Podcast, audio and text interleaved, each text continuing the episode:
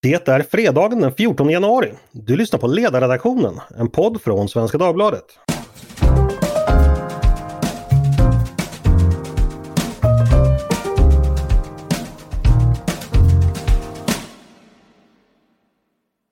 Två veckor in på det nya året och hög tid för Svenska Dagbladets ledarredaktion att samlas till ett fredagssamtal om det som nyligen teamats. Varmt välkomna ska ni vara! Andreas Eriksson heter jag och jag har med mig som vanligt tre kloka ledarskribenter som ska försöka skänka lite januariljus över tidens händelser. Nämligen Peter Wennblad, biträdande chef på redaktionen. Välkommen hit! Tack så mycket! Vi har nog inte hört dig i podden sedan förra året. Hur är läget med dig? Eh, jo, det är bra. Jag hade lite välbehövlig eh, julvila, därav tystnaden i etern. Mm. Men nu är du tillbaka starkare än någonsin. En annan som är det direkt från Kungsholmen, Maria Ludvigsson, välkommen hit! Tack så mycket! Hur har helgerna varit för din del? Oh, väldigt fina, tack så mycket! Ja, vad roligt. Mm. Och så har vi med oss en debutant, nämligen Isak Rutqvist som är praktik praktikant på ledarsidan. Välkommen hit! Tack så mycket! Du, kan du bara kort berätta lite, vem är du och vad gör du här? Ja, jag började praktisera på ledarredaktionen nu i veckan och kommer göra det fyra veckor eh, framöver. Då, så att jag har tre veckor kvar efter den här veckan. Jag har eh, gått Svenska nyhetsbyråns skribentskola eh, och eh, där så har jag då varit utstationerad på lite olika tidningar runt om i landet. Och, ja, som en avslutning nu så kommer jag praktisera då på, på Svenskans eh, ledarredaktion. Mm, och du är varmt välkommen. Eh, jag såg i den här lilla välkomstartikeln att du läser juridik och då frågar jag förstås som jag alltid brukar göra med juridikstuderande. varför läser inte du på handel som hedligt folk? ja, jag kommer väl inte in där. och det är det svaret jag också brukar ha. ja. Nej, naturligtvis inte. Alla juridiklyssnare kan vara helt lugna med att jag är mycket avundsjuk på er förmåga att klarlägga samtiden för oss andra fåkunniga. Har de inte kvotintagningar förresten på Handelshögskolan numera? Man kan kvota jo, in rektorns kvot, har man är duktig på segling eller något sådär. Så kan man Jaha, det är det ja. Mm. Hörrni, vi sätter igång direkt och då tänkte jag vi skulle börja med det som har dominerat nyhetsflödet som vanligt och det är ju då covid-pandemin och den politik som följer med det. Eh, vi vänder oss då förstås till sakkunniga på området, Peter Wennblad. Eh, du har skrivit dels idag tror jag det är och dels i tisdags om det som sker när det gäller nya restriktioner och fortsatt läge. Vad är det som händer och vad tycker vi? Peter? Ja, vad är det som händer? Det är ju en, eh, en väldigt snabb eh, smittspridning just nu och det här gjorde ju att eh, regeringen i tisdags, eller var det måndags, ja under veckan i alla fall, införde både en del nya strängare rekommendationer och restriktioner.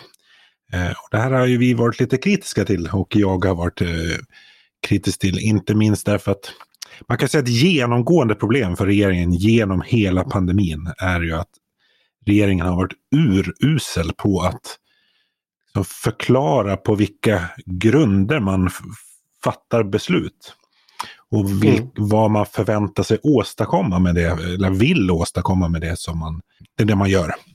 Och i det här fallet så Alltså när det gäller rekommendationer, det är väl en ganska uh, oskyldigt, men när det handlar om liksom inskränka faktiskt grundlagsfästa fri och, och rättigheter som mötesfrihet, demonstrationsfrihet, vilket ju blir konsekvensen när man bara får eh, träffas ett mindre antal.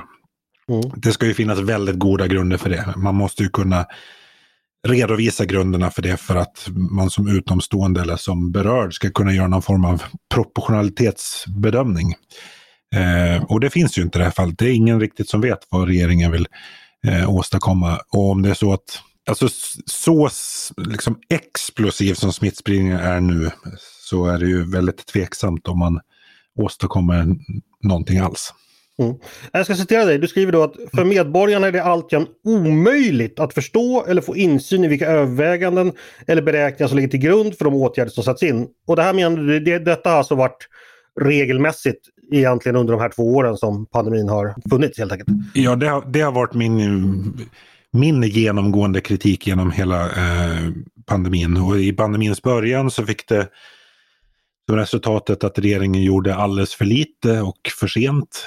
Och nu blir det istället att man möjligen då gör för mycket och för, för obetänksamt. Mm. En del ser jag har gjort spaningen att eh, regeringen har blivit mer eh, aktivistisk så att säga och liksom gått in och tagit hårdare styrning, kanske då eh, tagit över styråran lite från, från Folkhälsomyndigheten. Är, är det en bild som du delar att politikerna så att säga, försöker ta kontrollen på ett annat sätt än jämfört med tidigare? Ja, det, sen tycker jag att det, den, det skiftet skedde väl redan förra hösten under andra vågen när vad ska säga, Folkhälsomyndighetens eh, paradigm än en gång visade sig inte fungera eller få förskräckande konsekvenser så kände sig politiken nödgad att, att ta över rodret. Mm. Men, men hur, hur, illa är Du säger att det är, det är för mycket och för lättvindigt nu och att det är svårt att förstå varför. Hur, hur illa är det? Vad gör, vad gör det för skada, tror du?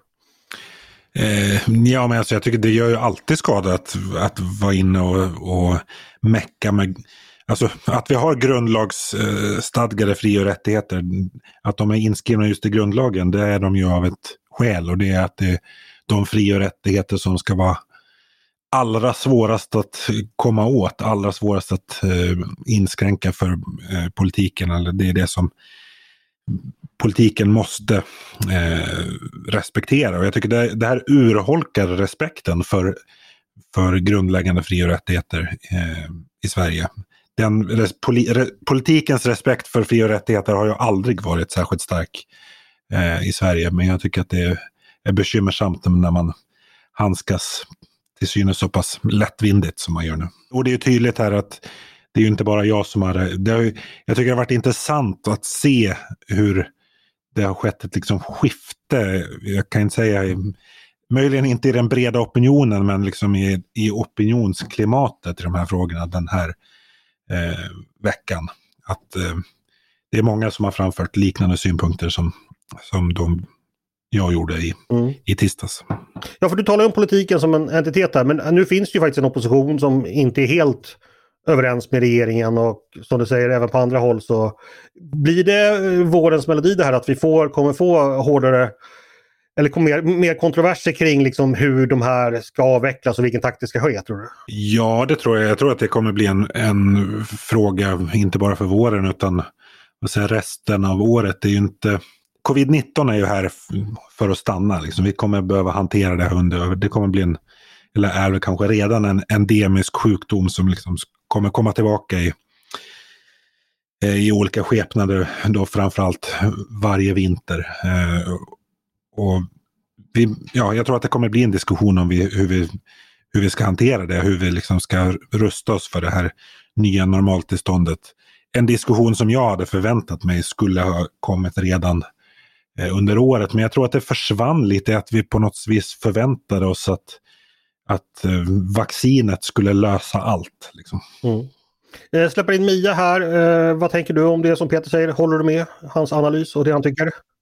Ja, men jag gör verkligen det. Och precis i synnerhet det här sista, att vi hade, det hade jag också, stora förväntningar på att när vi väl får vaccin så är det över och då kan vi börja, då ska allting befrias och bli som vanligt igen. Jag trodde det verkligen och hoppades det. Men det är nog snarare så att vi får leva med det, men därmed inte sagt att vi ska leva med en livsfarlig pandemi, utan det är snarare så att tack vare eh, att vi kan få vaccin så blir vi inte svårt sjuka. Vi kommer bli sjuka men inte dödligt sjuka. Därmed, mm. det betyder ju också att vi ska fortsätta att vara eh, försiktiga med de grupper som är känsligare än andra. Men, men så är det ju även i vanliga influensatider, att man måste vara särskilt försiktig om man, om man tillhör en sån grupp. Mm. Mycket anekdotiskt, eh, det handlar bara om mig själv, men i familjen hade vi covid nu i veckan och eh, barnen blev knappt sjuka. Jag var trött i några dagar. Väldigt trött faktiskt, eh, på ett lite otäckt sätt, men det behövdes inte så många dagar så var man tillbaks igen framför mikrofonen. Så att där tror jag, går man in i det fullvaccinerad och har lite tur så är ju det inte en så farlig sjukdom. Eh, Isak, du som kommer in från, från sidan, eller så att säga ny på, på redaktionen och det här. Eh, har du några tankar om eh, det här när du hör vad vi pratar om och hur du ser på liksom, just politiken kring hur, hur pandemin ska fortsätta hanteras? Ja, nej, men jag, jag, delar väl mycket av den analys som, som Peter gör. Mitt intryck är också att, att politiken snarare eh, börjar ta kontroll eh, Eh, över det här på, på ett sätt som grunderna ibland framstår som inte helt självklara och eh, proportionalitetsavvägningen framstår inte heller som helt självklar.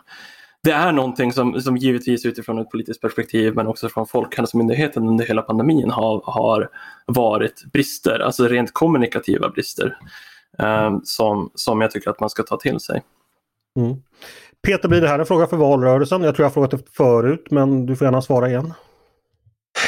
Ja, jag skulle vilja säga att jag tycker att det borde vara det. Jag tror, mm. eh, jag tror inte att det blir det. Eh, sen hänger det väl lite grann på, jag tror jag, jag skriver ju om, om Coronakommissionen idag också, vi kommer väl återkomma till det, men Coronakommissionen ska ju komma med sitt slutbetänkande här i slutet på februari. Med tanke på hur mördande kritiken var eh, i delbetänkande två om Sveriges pandemihantering då inledningsvis så eh, tror jag inte att det kommer bli några fång av rosor i slutbetänkandet heller och dessutom nu ska ju bara säga, ansvaret fördelas. Um, och det kommer ju naturligtvis hamna i regeringens knä på ett, på ett eller annat sätt. Mm. Uh, men jag tror att det finns, det finns en så trötthet vi, vi på pandemin, eller och den känner vi ju själva också, att Ja, jag sitter och håller på att somna. Ja. ja. men, så att liksom, energin för ansvarsutkrävande, jag tror inte riktigt ja. att den finns där. Jag tror att den kommer få mycket följdverkningar vad ska säga, i politiken, men inte i opinionen. Mm. Du tar upp Coronakommissionen. Det är väldigt intressant för det är det du skriver om idag. Då. Det har kommit fram ganska spektakulära uppgifter att de helt enkelt haft lite problem med att få upp material till sin utredning. Eh, berätta! Mm. Ja, det var ju Dagens Medicin som rapporterade om det här först igår. Eh, det handlar helt enkelt om att eh, i och med att regeringen eh, har kommunicerat så knapphändigt om på vilka grunder man har fattat sina beslut och vilka analyser man har gjort. Så har ju Coronakommissionen velat ha ut arbetsmaterial från regeringskansliet. Alltså minnesanteckningar, loggar, alltså sånt som inte är diariefört men som enligt de rutiner som finns på regeringskansliet bör, en typ av anteckningar som bör eh, finnas. Om Lars Danielsson var på jobbet helt enkelt? Ja, precis. Men där regeringskansliet helt enkelt har eh, sagt nej. Det har ju saboterat Coronakommissionens arbete. Det har de ju varit väldigt tydliga med själva. Alltså både att det gör det svårt för dem att de facto utföra sitt uppdrag som en central del i uppdraget är ju att utvärdera regeringskansliets krishanteringsarbete. Eh, vi släpper in Mia där. Vad, vad mm. tänker du om det här, detta? Alltså, jag är lite rädd för att det inte blir uppmärksammat nog. Tack vare så skriver ju Peter mycket om det. Men att det är någonting som bara eh, försvinner bland annat. För det här är ganska allvarligt. Och så tänker jag också på, om man ser historiskt då över vad som har hänt sedan eh, covid kom. Så från början så reagerade svenska, eh, den svenska politiska ledningen inte överhuvudtaget. Ingenting, ingenting, ingenting, ingenting. Och nu när man börjar, eh, när det inte behövs samma kontroll, då är man plötsligt stenhård. Så det, det också finns en... Det är oproportionerligt hur, hur man har agerat. Alltså först gör man ingenting och sen så nu när det är mer under kontroll, då ska man minsann visa att man tar ansvar och ställer krav. Så det är helt bakvänt. Vi är kritiska alltså. Ja, mm. nej, men för, för, förutom att då regeringskansliet har sagt nej till att lämna ut det här materialet så har man dessutom dragit fötterna efter sig att man har väntat väldigt länge med att ge det eh, beskedet. Så att Coronakommissionen har ju hamnat i tidsnöd helt enkelt. Mm. Eh, så att jag tycker ju att de borde få mer tid för att annars kommer vi inte... Jag pratade ju med kommissionens huvudsekreterare idag statliga tjänstemän brukar inte vara så frispråkiga och han var väl också diplomatisk på sitt sätt men ändå frispråkig. De tycker ju att det här är otroligt frustrerande och märkligt. Mm. Är det risk för att de faktiskt inte hinner med det de skulle behöva? Ja, alltså det, det, skulle aldrig en statlig utredare säga att de kommer spräcka deadline. Det gör de liksom inte, utan man, man lämnar ifrån sig det på det datum som är eh, utsatt. Och man kan inte, som utredare begär man inte gärna mer tid, men regeringen borde ju ge dem mer tid, eller åtminstone oppositionen kräva att de får mer tid. Ja, det brukar väl ske med att man, man så att säga, det sker signaler och så bestämmer sig regeringen för att man ska nog ge dem lite längre tid och sen blir det så. Det har ju hänt förut att utredningar har fått framflyttad deadline. Ja, precis. Är det risk då att kommissionen kommer med sin presentation efter valet? Nej, så mycket tid tror jag inte de behöver. Det är liksom inte några enorma mängder av material. Eh, så det handlar väl bara om att, eller man säger, om regeringen släpper ifrån sig materialet så, så är det ju bara någon vecka eller så. Ett, två. Mm. Spännande. Vi lär återkomma till detta. Eh, vi ska gå vidare hörni. Och då tänkte jag vi ska eh, gå till Isak. Du debuterar ju som sagt den här veckan och skrev en första text som handlade om eh, det som då kom fram förra veckan om Magdalena Anderssons städhjälp eh, som visade sig vara en person som inte hade rätt att vara i Sverige och dessutom var efterlyst. Eh, ja, du kan kanske berätta själv, vad, vad, vad födde detta för tankar hos dig? Ja, framför, framförallt att skuggsamhället uppenbart är så utbrett att, att det, det inte är särskilt långt ifrån självaste statsministern. Eh, utan att eh, det, nu, nu vet vi förvisso inte riktigt alla detaljer kring det. Eh, Det finns lite olika uppgifter i media kring om personer i fråga har varit inne i huset eller utanför huset. Hon säger själv att hon har varit inne i huset minst en gång tidigare. Men att, eh, att det fa- faktiskt är ett problem med ett skuggsamhälle som har, som har, eh, som har växt, växt till sig de senaste åren. Mm. Ehm, och eh, jag tänker eh, framförallt att, att den här situationen dels belyser det, eh, men sen också det, det Peter skrev om eh, i, i måndags, att det också finns en säkerhetsaspekt i det där. Det Säpos agerande och uttalanden i samband, speciellt i, i nära tid när det, när det uppdagades i Expressen, var ganska, ja vad ska man säga, märkligt. Eh, Mm. så. Det, här skuggsamhället du beskriver, eh, vad är det för någonting och vems fel är det tänker du? Eller vem har ansvaret för att det har kommit, blivit som det har blivit? Ja, vem har ansvaret egentligen? Eh, min, min bild och min analys av det hela är att, att man inte har skapat, skapat ett system där man haft koll eh, och kunnat verkställa till exempel avvisningar och utvisningar. Eh, och att man har en allmän resursbrist men också att det inte har prioriterats politiskt.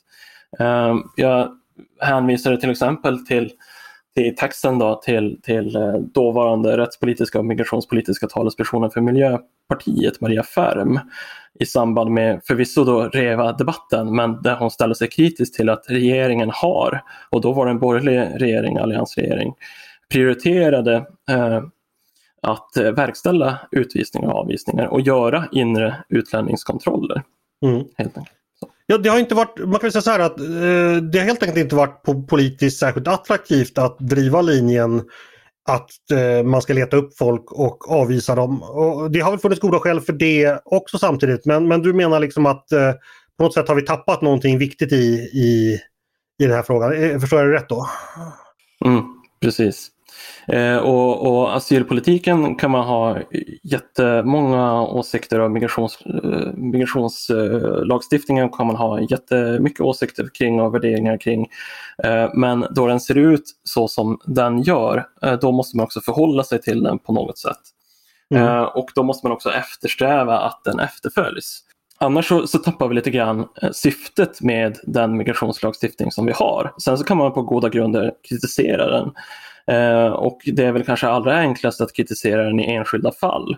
Då det, då det finns humanitära skäl eh, som, som när myndigheterna bedömer det framstår för en lekman som fullständigt obegripligt varför man ska utvisa en person eller då en person inte får uppehållstillstånd i Sverige.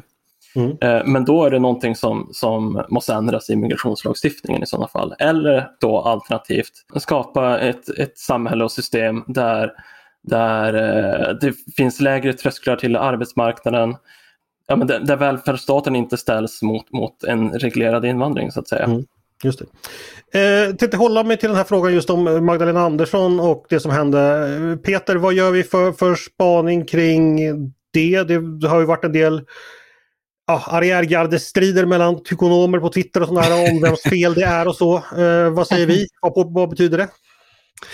Ja, jag vet inte vems fel det är, men jag, jag tycker ju att det det jag saknat under veckan, jag hade förväntat mig när den här nyheten kom att det skulle bli mer diskussion om, om säkerheten kring, vad säger de säkerhetspolitiska aspekterna kring det här att Säpos linje då är att det inte riktigt är deras sak att hålla koll på vilka människor som rör sig i, i ministrarnas eh, privatbostäder. Mm. Eh, och ja, och det, det för, tänk, fattar ju vem som helst, eller då går ju tankarna igång. Alltså hur, eh, då är det ju i stort sett liksom öppna dörrar för, mm. för en rysk plattsättare eller en eh, kinesisk rörmokare liksom, som mm. eh, de sätter mer än plattor i, i, i sovrummet, i badrummet. Mm. Uh, ja, visst. Men var det inte så att Säpo ändå fick backa lite där? Jag tyckte, heller deras, jag tyckte också deras kommunikation i början var väldigt märklig. För de, de, de, de, de garderade sig ändå med, med liksom att vi gör alltid helhetsbedömningar och tittar på... Men de var lite rädda för att få Svarte Petter där kanske helt enkelt. Ja, nej, men jag tycker, fort, jag tycker fortfarande det kan naturligtvis vara så att det här citatet togs ur sitt sammanhang som det brukar eh, heta. Men sam, samtidigt så har vi ju inte fått några liksom tydliga, så har ju ändå Säpo medgett att de behöver liksom eh, titta över det. Så vad som var substans och vad som var kommunikation det är lite svårt att, eh, att hålla isär. Men någonting är det ju som har glitchat där. Liksom. Och du och jag som duktiga före detta PR-konsulter vet ju att saker ska inte kunna tas ur sitt sammanhang heller utan man ska se till att varje mening kan användas. Precis, precis. Jag tycker att det här påminner om det som vi brukar kritisera när vi pratar om myndighets-Sverige men också den politi det politiska ansvaret, att det är lite slappt helt enkelt. Att inte, när sånt här händer så borde det bli ganska man borde reagera ganska starkt både från politiskt och myndighetshåll och säga att så här, det här har vi missat, det här är mm. verkligen allvarligt. Eh, men att just i svensk mentalitet så är säkerhetsaspekten är fortfarande inte tillräckligt mycket tagen på allvar. Jag tycker det brukar vara bra att lyssna på Olof Ehrenkrona när man inte riktigt vet vad man ska tycka om världen och hur galen den har blivit. Men han, han är väldigt tydlig med detta att det här, är, det här är en del av ett större problem där man inte tar säkerhetstänkandet riktigt på allvar. Mm. Ja, men jag, jag, jag, håller med båda. Det, det, var ändå märkligt att det inte blev en större diskussion kring det. Sen så blev det mm. ju någon sorts intern vänsterdiskussion huruvida ja, men gamla pigdebatten från 90-talet ja. de uppenbarligen fortfarande inte är färdiga med. Ja, men det, men det är så. Alltså, allting i Sverige kommer till slut att handla om att det här är en arbetsmiljöfråga. Oavsett, även om det är rikets säkerhet, här, men stackars den, får de verkligen den lön hon ska alltså, det, det, Visst, det kan vara problematiskt, men allting blir alltid den frågan. Mm. Jag har en liten teori där om jag får lufta privata tankar. Jag tror att Socialdemokraterna var lite rädda att det skulle börja handla om Magdalena Anderssons person och hennes ja. vandel och hennes omdöme. Mm. För yeah. är att hon är ju ett för det första, hon är ett starkt kort för, för Socialdemokraterna uppenbart. Hon är också ett osäkert kort och det finns ju också då erfarenheter av eh, eh, partiledare i, inom socialdemokratin som har slarvat tidigare som man inte varit så nöjd med. Det finns också en könsaspekt här. Tyvärr mm. måste jag säga, men den finns också det här med att att Magdalena Andersson skulle kunna börja jämföras med Mona Sahlin och liksom de privata... Alltså det skulle liksom bli en sån historia. Det tror jag socialdemokratin inte, naturligtvis inte gärna hade sett. Så att de såg nog hellre att det blev en diskussion om arbetsmiljö och mm och om huruvida det är rätt att ha piga än liksom att Magdalena mm. Andersson är helt enkelt är slarvig med, sin, med vilka hon anställer och så. För det hade varit dit vill man inte hamna. Vad tror ni om den tolkningen? Kan det finnas någonting i det? Som, som vanligt så har du mycket pregnanta eh, spaningar. Andreas. Ja. Exakt, det är därför jag är så, så frikostig. därför jag snålar med dem. För att jag inte ska tappa mig. Nej, men jag, jag tror det faktiskt. Och för, ja. för en sån här ny pigdebatt det kan man ta. Liksom. Men ja, Magdalena Andersson skulle behöva bli ifrågasatt för att nu har hon liksom misskött sitt privatliv. Ja. Det är inte bra givet socialdemokratins historia. Liksom, tror jag. Nej, det kan de verkligen inte bjuda på. Och det är också det är någonting som de överhuvudtaget inte hade tänkt sig skulle komma från henne. Jag tror inte att det kommer från henne heller. Det här är, liksom, det är en större fråga än att hon inte har koll på sina, vem som städar hos henne. Nej men och uppenbarligen så är det ju så att det, det, här är ju också då att det finns bolag som har folk anställda i sin tur och så här, Och det ska ja. ju fan att kolla upp det naturligtvis. Och det ska ju kanske inte en statsminister behöva sitta och nej. gräva i heller. Det ska ju finnas. Folk. Man eller kvinna ska inte behöva göra det. Nej, nej precis. Ja, men har vi något mer att säga om uh, detta? Vi går tillbaka till dig Isak, nu babblar du på här. Men vad, vad tänker du för, för uh, om vi återknyter till ditt ämne det här med att uh, människor som bor i Sverige lever på skuggsidan och politikerna har verkat lite svårt att ta tag i det. Vart, vart bär det hän eller vart, vart, vad bör vi göra? Ja, alltså där, där är man ju tvungen att, framförallt regeringen då, och det har de ju gett som signaler att, att eh, det här är någonting som, som gränspolisen och polisen måste jobba med. Eh, men sen så är det ju, mitt intryck är också att det är en, det är en allmän resursfråga hos polisen, precis som med nästan allting annat inom Polismyndigheten så är det ju det. Eh, och eh, vill man komma till bukt med det så, så, så, så måste man verkställa fattade myndighets och domstolsbeslut i de här ärendena. Mm. och då måste man skapa ett system för att kunna göra det på, på, ett, på ett bra och säkert sätt, rättssäkert sätt. Mm. Eh, Peter, 2008 skrev du om arbetskraftsinvandring i vår gemensamma tidning Neo. Eh, fler borde få över, gå över gränsen och jobba. Den här frågan, nu är det inte fråga om arbetskraftsinvandring utan en person som har avvisats av, andra skäl men den diskussionen finns ju här liksom kring det. Vad, vad, vad kan man säga om det? Ja, i det här fallet så var det väl inte en asylsökande utan det, det var ju en så kallad papperslös, alltså en, en arbetskraftsinvandrare utan Mm, alltså tillräckliga skäl att ar arbetskraftsinvandring var ju från Nicaragua om jag förstår saken ja. rätt.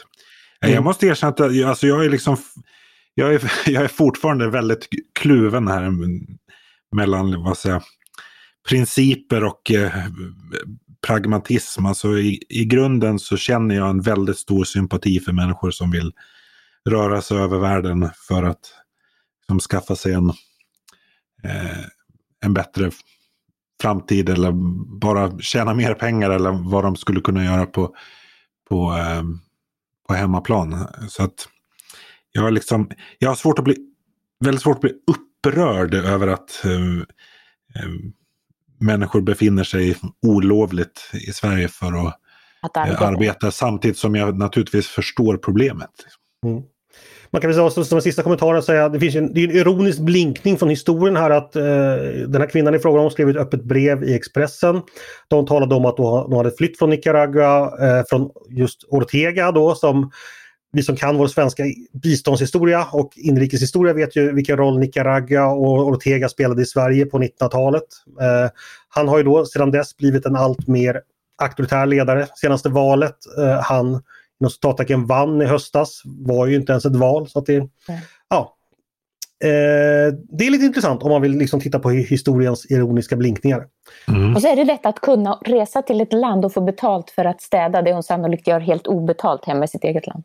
Mm, det också. Eh, mycket att prata om här. Vi får trots det ändå fortsätta eh, lämna de eh, världsliga värdena bakom oss och gå in, närma oss de eh, kanske mer sakrala. Och då är det dags för mig! Då är det dags, som vanligt när jag, när jag nämner de högre sfärerna. Eh, Knäpper vi våra händer hörni pojkar?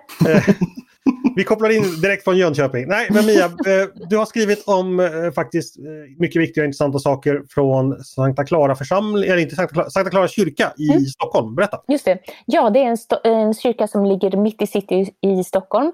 Precis nära Plattan och där alla de lever och rör sig som, som inte har någonstans att bo och som lider av missbruk och så vidare. De har i flera år haft en verksamhet där människor får komma till dem både för att få lite värme, några varma ord, eh, lite mat, kaffe. Och de håller kyrkan öppen. Och på kalla vinternätter så håller de haft, har de haft kyrkan öppen eh, och lagt ut madrasser, kuddar och täcken på golvet för att folk ska ha någonstans att sova. Och det här har ju eh, räddat livet på många människor. Nu är det slut med det Därför att man från kyrkans egen försäkringsfirma, alltså de hade egen försäkrings, försäkringsbolag, eh, de säger att man kan inte längre ha den här sortens verksamhet i kyrkan, varken natthärbärge eller att de får vara där på dagtid därför att det blir sånt slitage. De mm. ser kyrkan främst som en museal verksamhet där det ska fortsätta att vara prydligt. Eh, jag kan förvisso hålla också de värdena högt, att det är, fint, det är ett kulturellt arv och det är en vacker kyrka, man ska vara rädd om den. Men, men i detta så finns det inte säkert att det är så enkelt att det bara handlar om att man vill skydda kyrkan mot uteliggarnas smutsiga fötter och så vidare, utan att det finns också en, en syn eh, som splittrar Svenska kyrkan på det här. Vad, vad ska en kyrka vara? Och då är det så att den nytillträdda domprosten i Stockholms stift. Eh, hon har, eh, det är hon som har beslutat med sitt kyrkoråd i, i domkyrkoförsamlingen, eller storkyrkoförsamlingen, att man inte längre ska ha den här, eh, kunna hjälpa de här människorna med det här. Eh, mm. Och det gör man med motiveringen också i det brev från Markovic, jag tror hon var tidigare direktor tror jag heter, på Stadsmissionen. Hon är ganska nytillträdd som domprost. hon skriver i ett brev då, eller ett mejl till Klara kyrka församling att det här är egentligen inte något kyrkan ska syssla med utan det här är ju faktiskt stat och kommuns ansvar. Och där i detta brev, eller det här mejlet, där finns kärnan i konflikten. Vad tycker man att en kyrka ska vara och vad ska den inte göra? Och nu har jag fått så mycket mejl och så mycket information från andra som har varit aktiva i den här sortens verksamhet i många, många år. Och vad jag förstår så har det redan tidigare, tidigare domprost som heter Ulvebrand, han var tydligen också engagerad i att bli av med de här eh, uteliggarna, det här patrasket, de ska inte vara mm. i kyrkan utan där vill han istället ha något som man då skulle kalla för ett, ett eh, kulturcentrum. Jag mm. återkommer till detta i skrift, men det, det, finns mycket här som visar på att det finns en syn inom kyrkans ledning, att kyrkan ska vara något som snarare är av musealt värde och att samlas kring, det ska vara kulturcentrum och så vidare, än att det ska vara en plats för det man inom kristen tro kallar mina det minsta. Ja, det låter lite som, eh, för du skriver lite om att här finns en vänsteridé om att vi har ett ordnat samhälle där så att säga, myndigheterna tar hand om, om de fattiga. Eh, och det behöver kyrkan inte längre göra för att vi har ju ordnat samhället i övrigt så bra så kyrkan får en helt annan roll då så att säga. Medan din syn då, förstår jag, det är liksom att kyrkan går in och tar hjälp med fattiga. För de kom, om de råkar finnas, trots alla våra fina kommunala mm. institutioner, så är det ändå kyrkans plikt, eh, så som Herrens hus, att öppna sina dörrar helt enkelt. Att ja. Det är det värdet större så att säga. Precis, och även andra liknande organisationer. Jag tror, det räcker ju inte med stat och kommun. Det, det märker vi att det finns det finns människor som av olika anledningar inte kan vända sig till myndigheter. För att de inte vill, för att de inte törs, för att de eh, av olika anledningar in, de misstror de statliga och kommunala institutionerna. Mm. Det kan jag förstå. Och då får de vända sig till ett ställe där ingen frågar efter deras personnummer. Ingen säger att för att du ska få en kopp kaffe eller för att du ska få lite soppa så måste du svara på de här frågorna eller acceptera de här villkoren. Utan det är bara öppet. Dit får du komma bara som behövande. Mm. Eh, och det, jag kan förstå att det behövs sådana. Jag tror eh, det är fint att det finns eh, andra bidragssystem och anordningar, anordningar som gör att människor inte faller igenom. Men det kan inte hjälpa andra. Nej, det här har ju också lite med pluralismen i samhället att göra. Att ja. det finns liksom alternativa institutioner, alternativa centra så att säga, så att vi inte enbart har stat och kommun att förlita oss på. Nej. Och det, är också, det här blir också väldigt illustrativt, vi som brukar skriva om att, att eh, samhället är större än staten, därför att man bland, sammanblandar också i detta vad är civilsamhälle och vad är det samhället som vi kallar politiken. För att politiken är inte tillräckligt, det andra måste också få finnas och då är det bäst att det får vara i fred. Mm. Men hur kommer det här gå egentligen? Är kyrkans portar eh, stängda tills vidare eller vad händer? Ja, tills vidare eh, har man löst det så att de här jag, jag, kan inte vända mig med detta, men det är alltså tisdagnätter och torsdagnätter som man tidigare haft öppna. Nu eh, är det så att någon måste hyra kyrkan för att, i sitt eget namn för att man ska kunna ha rätt att göra detta. Då. Och då vet jag att det finns privatpersoner som har gått in och hyrt mm. då, några nätter och det kommer man fortsätta med. Så att man löser det praktiskt sådär, dag för dag för att det ska kunna fortsätta. Men på längre sikt så vet man ju inte och då är det ju det är ju en, sannolikt en, en strid inom Svenska kyrkan där det, det är ett vägval. Jag, mm. jag, är pessimistisk i detta. Jag tror att Svenska kyrkan alltmer går mot att vilja vara en liten en, en fin enhet och inte en som har med knarkare och uteliggare att göra. Eh, ja, det vore ju tråkigt. Eh, Peter, vad, vad, tänker du? Ni har ju inget tak på era kyrkor i Visby, men jag tänker att du säkert har åsikter kring detta. Ja, vi, vi har kyrkor med tak också. Alltså. Eh, ja, vad tänker jag? Jag tillhör ju de som faktiskt har lämnat eh, Svenska kyrkan. Så att jag, jag med snart ja, kan jag säga. Ja, är, det, är det så pass? Eh, ja. Nej men alltså jag delar ju i stort uppfattning. Alltså jag har egentligen inte några synpunkter på hur kyrkan ska göra i precis det här fallet. Men jag tycker att det är, det är problematiskt när att vi har så liksom svaga civila institutioner eh, i Sverige. Men jag, jag är tveksam till att det liksom... Eller, så här, ska det förändras kommer det ta väldigt lång tid för det är så grund... Det sitter så djupt i det liksom svenska kynnet att det är liksom någon annan eller liksom det offentliga som, eh, mm. som ska lösa de flesta uppgifter. Det gäller ju även liksom synen på, ja, men på äldre och på mm. barnen. Alltså det är liksom det är överallt. Ja, och just det här, var är samhället? Och då menar de kommunen. Men det är intressant detta också därför att i den här Klara kyrka så är det en frikyrkobaserad församling som kommer ifrån en annan sorts kyrka. Som liksom var, frikyrkorna var ju de som inte fick de var inte fina nog och de var inte, de var inte del av det statliga utan det var lite frifräsare som tyckte lite på sitt eget vis. Och där finns nog en annan kultur tror jag än inom Svenska kyrkan som även om den skildes från staten så är den ju fortfarande politisk. Men Sankta Clara kyrka tillhör väl fortfarande Svenska kyrkan? Ja, det gör den. Men församlingen där, det är en EFS-förening. Mhm, eh, ja just det. För jag vill minnas att Klara församling uppgick ju mm. i domkyrkoförsamlingen för ganska ja. många år sedan. Okej, det är en församling som, som använder den. Intressant. Ja. Mm. Ja, vi får fortsätta följa detta också helt enkelt och se. Det är ju, nu är det visserligen mildare men det kommer ju fler kalla nätter i vinter så det kan nog behövas eh, mm. eh, att det finns hus och tak för samhällets olyckliga. Men hörni, vad bra, då känns det som vi har hunnit igenom veckans ämnen. Jag väntar på dina specialfrågor Andreas. Det blir inga den här veckan. Det är okay. det. Eh, min, min eh, covid-konvalescens gjorde att eh, de försvann. Sådär. Jag kan ju ställa lite, lite kontrollfrågor om Klara av Assisi och hennes gärning. Ja. Men jag tror inte det skulle muntra upp menigheten särskilt mycket.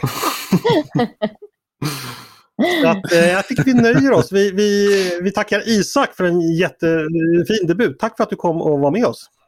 Tack själv. Och tack Peter för att du var med. Tack så mycket. Och tack Mia. Tack, tack. Och tack till alla er som har lyssnat. Eh, jag hoppas ni får en jätteskön kväll och jätteskön helg. Så kommer vi höras nästa vecka. Eh, innan vi tackar för idag ska jag bara passa på att tipsa om vår grannpodd på Svenska Dagbladet. Nyhetspoddens Dagens Story. Där får du på en kvart varje dag en fördjupning i ett aktuellt ämne. Mycket tajtare än du får här alltså. Eh, det jag lyssnar på nu, det långrandiga, det heter Ledarredaktionen, en podd från Svenska Dagbladet. Hör jättegärna av er till redaktionen med tankar och synpunkter på det vi har diskuterat. Det är ganska många som har gjort det under julen och vi är väldigt tacksamma för det. Hör också av er om ni har tankar och förslag och idéer på det vi ska ta upp i framtiden. Maila då till ledarsidan snabla svd.se. Trevlig helg hörni! Dagens producent. Han heter Jesper Sandström och skriver in sig själv i avsnittet eftersom redaktör Eriksson fick kall på linjen. Men eh, jag tror jag talar för oss båda när jag säger att jag hoppas att vi hörs igen snart. Trevlig helg!